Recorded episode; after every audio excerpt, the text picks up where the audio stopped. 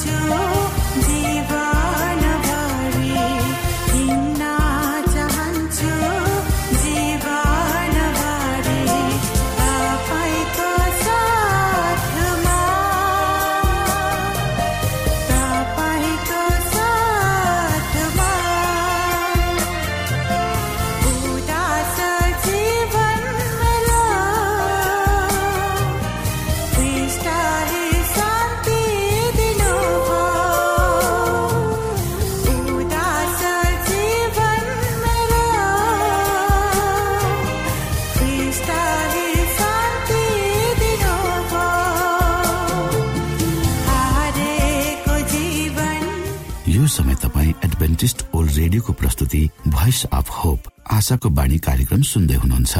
श्रोता मित्र यो समय हामी पास्टर उमेश पोखरेलबाट आजको बाइबल सन्देश सुन्नेछौ। श्रोता साथी न्यानो अभिवादन साथ म तपाईँको आफ्नै आफन्त अर्थात् पास्टर उमेश पोखरेल परमेश्वरको वचन लिएर यो रेडियो कार्यक्रम मार्फत पुनः तपाईँहरूको घर आँगनमा उपस्थित भएको छु। श्रोता आउनुहोस् तपाईँ हामी केही समय परमेश्वर सँगसँगै आफ्नो समय बिताउँ र परमेश्वर को हुनुहुँदो रहेछ भन्ने कुरो जान मलाई आशा छ तपाईँले हाम्रा कार्यक्रमहरूलाई नियमित रूपमा सुनेर परमेश्वरका आशिषहरू प्राप्त गर्दै हुनुहुन्छ र आफ्नो जीवनलाई परमेश्वरको इच्छा अनुसारको बाटोमा हिँडाउनुको लागि तपाईँ प्रयत्न गरिरहनु भएको छ श्रोता आजको प्रस्तुतिलाई पस गर्नुभन्दा पहिले आउनुहोस् हामी परमेश्वरमा अगुवाईको लागि बिन्ती राख्नेछौँ। जीवी जिउँदो महान दयालु परमेश्वर।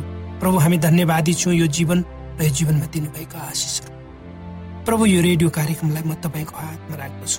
यसलाई तपाईँको राज्य र महिमाको प्रचारको यो देश र सारा संसार तपाईँले पुर्याउँछ ताकि धेरै मानिसहरूले यो रेडियो कार्यक्रम मार्फत प्रभु तपाईँको ज्योतिलाई देख्न सक्नुहोस् र तपाईँको राज्यमा आउनुहोस्। सबै बिन्ती प्रभु यी सुक्न आमेन।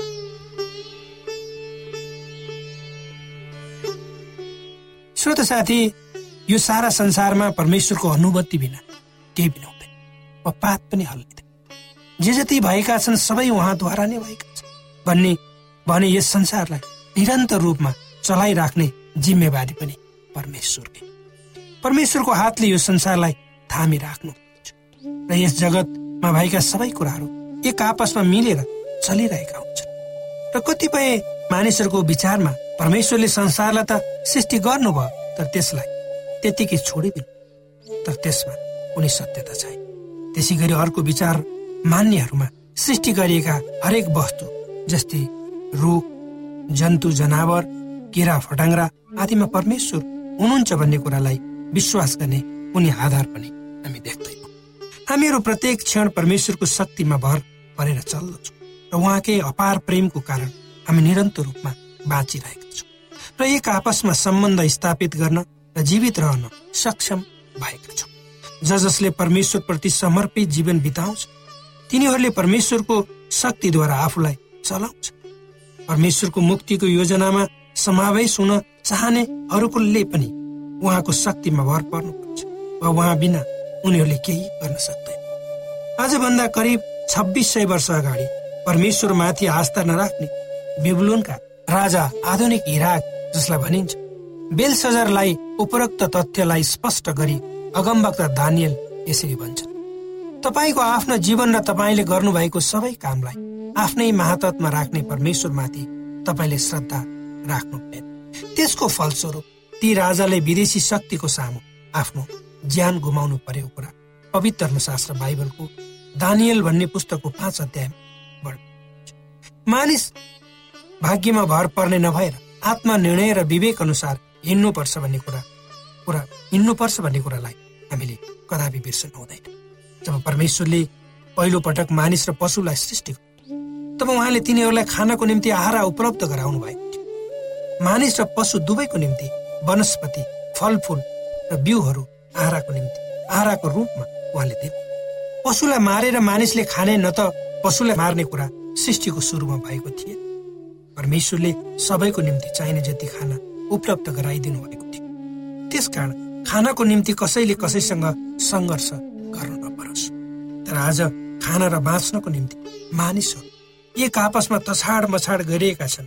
एउटाले अर्काको खुट्टा तान्न सके त्यसलाई सिद्ध्याउने काममा अगाडि बढेको समाजमा हामी र दिन प्रतिदिन मानिस आफू मात्र केवल आफू मात्र बाँच्ने चाहनाद्वारा हिंसक हुँदै गइरहेको र मानवीय मूल्य मान्यताबाट विमुख हुँदै गइरहेको यथार्थ तपाईँ हामी कसैबाट पनि लुकेको छ। त्यसैले त हामी दिनहौ सुन्दै आएका छौँ। एक मानिसले अर्को मानिसमाथि गरेको अत्याचार दमन हिंसा जसलाई हामी मानवीय भाषामा राम्ररी व्यक्त गर्न सक्दैन। तर पनि ती हृदय विधारक घटनाहरू जसलाई मानिसले नै अन्जाम दिएका हुन् तिनीहरूलाई के भन्ने? कुन रूपमा मानिसको परिभाषा यो प्रश्न म तपाईँहरूको अगाडि छोड्दछु। आफूले सृष्टि गर्नुभएको सबैको निम्ति परमेश्वरले आहाराको उचित व्यवस्था गरिदिनु भएको कुरा पवित्र धर्मशास्त्र बाइबलमा लेखिएको हामी पाउँछौँ तर मानिसको निम्ति परमेश्वर एक कदम अगाडि बढेर आदम र हवाको निम्ति विशेष किसिमको मनोहर बगैँचा तयार गर्नुभएको हुन्छ। त्यस बगैँचामा असल फलफुलहरू फल्ने सुन्दर रुखहरू थिए। आहारा र सौन्दर्यताले भरिपूर्ण भएको बगैँचाले परमेश्वरको महान प्रेम अनुग्रहको उत्कृष्ट नमुनालाई प्रश्न त्यो परमेश्वरको अनुग्रहको वरदान थियो। किनकि त्यो पाउनको निम्ति आदम र हवाले कुनै परिश्रम वा काम गर्नु परेको थिएन। त्यो त सित्तेमा दिएको थियो। स्वत साथी परमेश्वरले जुन रूपमा यो संसार र संसारका यावत कुराहरूलाई सृष्टि गरेको समयदेखि नै हामी धेरै टाढा आइसकेका छौँ। किनकि पापले गर्दा हाम्रो संसार पहिलेको जस्तो छैन। यो त कुरूप भइसकेको छ। र कुनै पनि क्षेत्र ठाउँमा हामी सुरक्षित छैन। संसारको यस्तो अवस्था हुँदा हुँदै पनि परमेश्वरको प्रेम मानव जाति र यो संसारमा अविरल रूपमा पोखिरहेको छ वर्षिरहेको छ। भनिन्छ प्रकृति शक्तिशाली छ तर परमेश्वरको शक्ति प्रकृतिमाथि असीमित छ। परमेश्वरको कामले उहाँको चरित्रलाई स्पष्ट पार्छ उहाँको हातको कामद्वारा उहाँलाई देखेर मूल्याङ्कन गर्न चाहनेहरूले उहाँको उपस्थितिको अनुभव जतासुकै पनि गर्न सक्छ। श्रोत साथी नेपालीमा एउटा उखान छ। चोरलाई चौता र साधुलाई सुली हो। आजको संसार यस्तै गरी बढिरहेको छ। हाम्रै आफ्नै घर परिवार समाजमा किन नहेरौँ? सभ्य र भद्र इमान्दार मानिसहरूको इज्जत कम।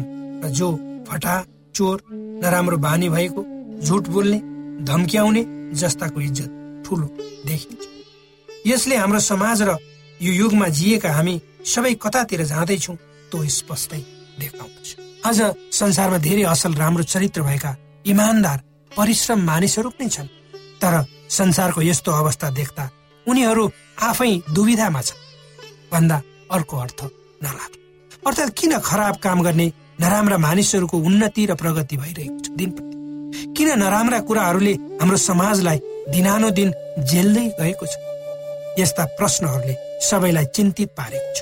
मानव जातिमा हुने दुष्ट वा खराब चरित्र मात्र नभए प्रकृतिमा समेत हुने अनगिन्त्यौं विपत्तिहरूले समेत हामीलाई गाँच्दै लगेको देख्दा सबैलाई कहाले लाग्नु स्वाभाविक हो। प्राकृतिक विपत्ति जस्तै बाढी पहिरो भूक्ष्य भूकम्प जस्ता कुराहरू।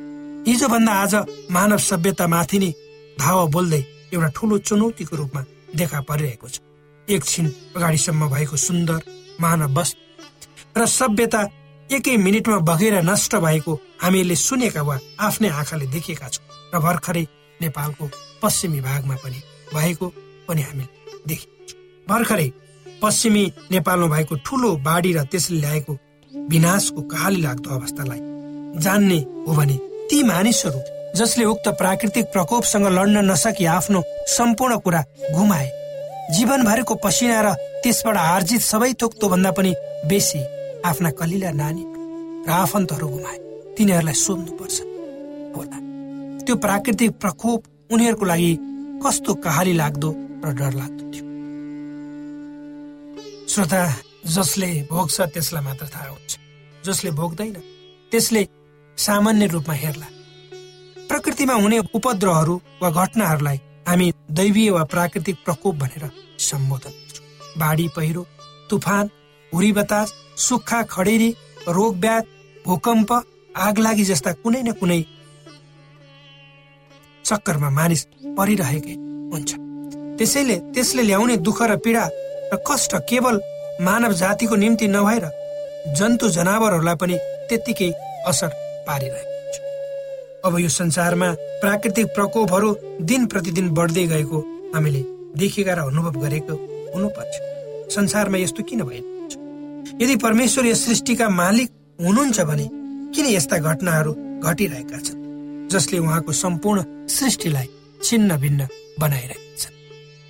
यो प्रश्न आजका युगमा बाँचेका सबै मानिसको मनमा उठ्नु स्वाभाविक पवित्र धर्मशास्त्र बाइबलको अयुब भन्ने पुस्तकमा परमेश्वरले धर्मी ठहराउनु भएको अत्यन्त धनी जमिनदार अयुबको जीवनको भोगाईको बारेमा वर्णन गरिएको छ।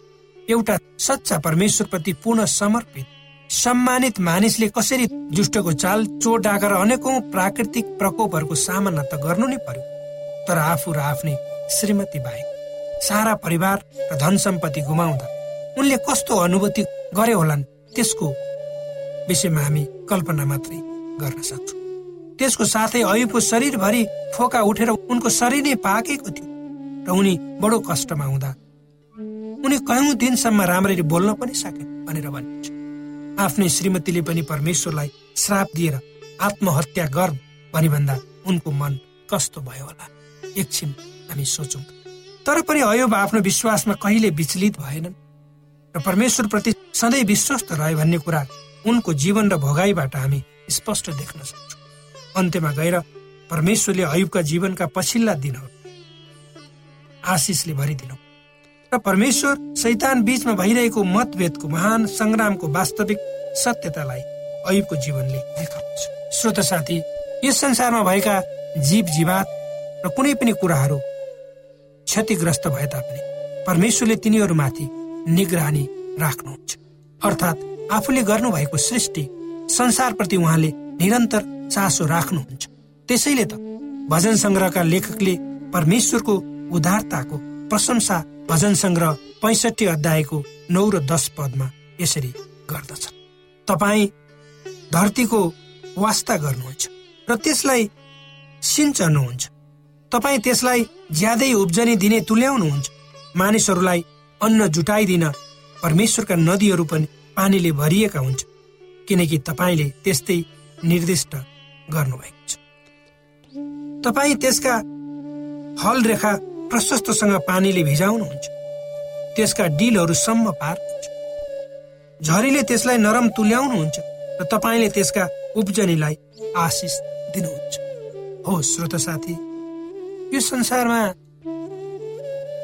हामी बस्दाखेरि हाम्रो जीवनमा हामीले विभिन्न रोह र अवरोहहरू भोग्नुपर्छ। हाम्रो जीवनमा उतार चढावहरू आउँछ। निश्चय नै हो। र हामीले कहिले दुःखका दिनहरूलाई सामना गर्नुपर्छ। कहिले सुखका दिनहरू पनि हामीले देख्छौँ।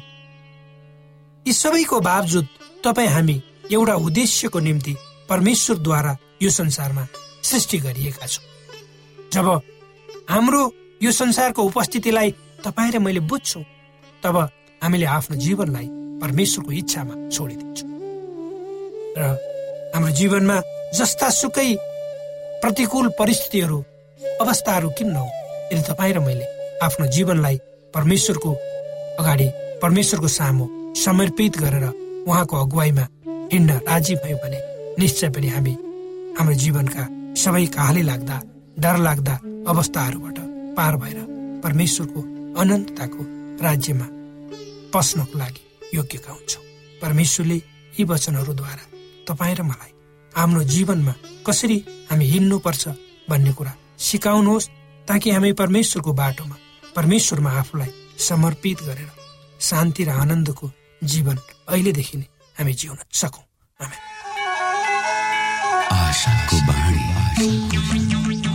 श्रोता भर्खरै यहाँले पास्टर उमेश पोखरेलबाट बाइबल वचन सुन्नुभयो। यो समय तपाईँ एडभेन्टिस्ट ओल्ड रेडियोको प्रस्तुति भोइस अफ होप आशाको बाणी कार्यक्रम सुन्दै हुनुहुन्छ। कार्यक्रम सुनेर बस्नुहुने सबै श्रोतालाई हामी हाम्रो कार्यक्रममा स्वागत गर्न चाहन्छौ।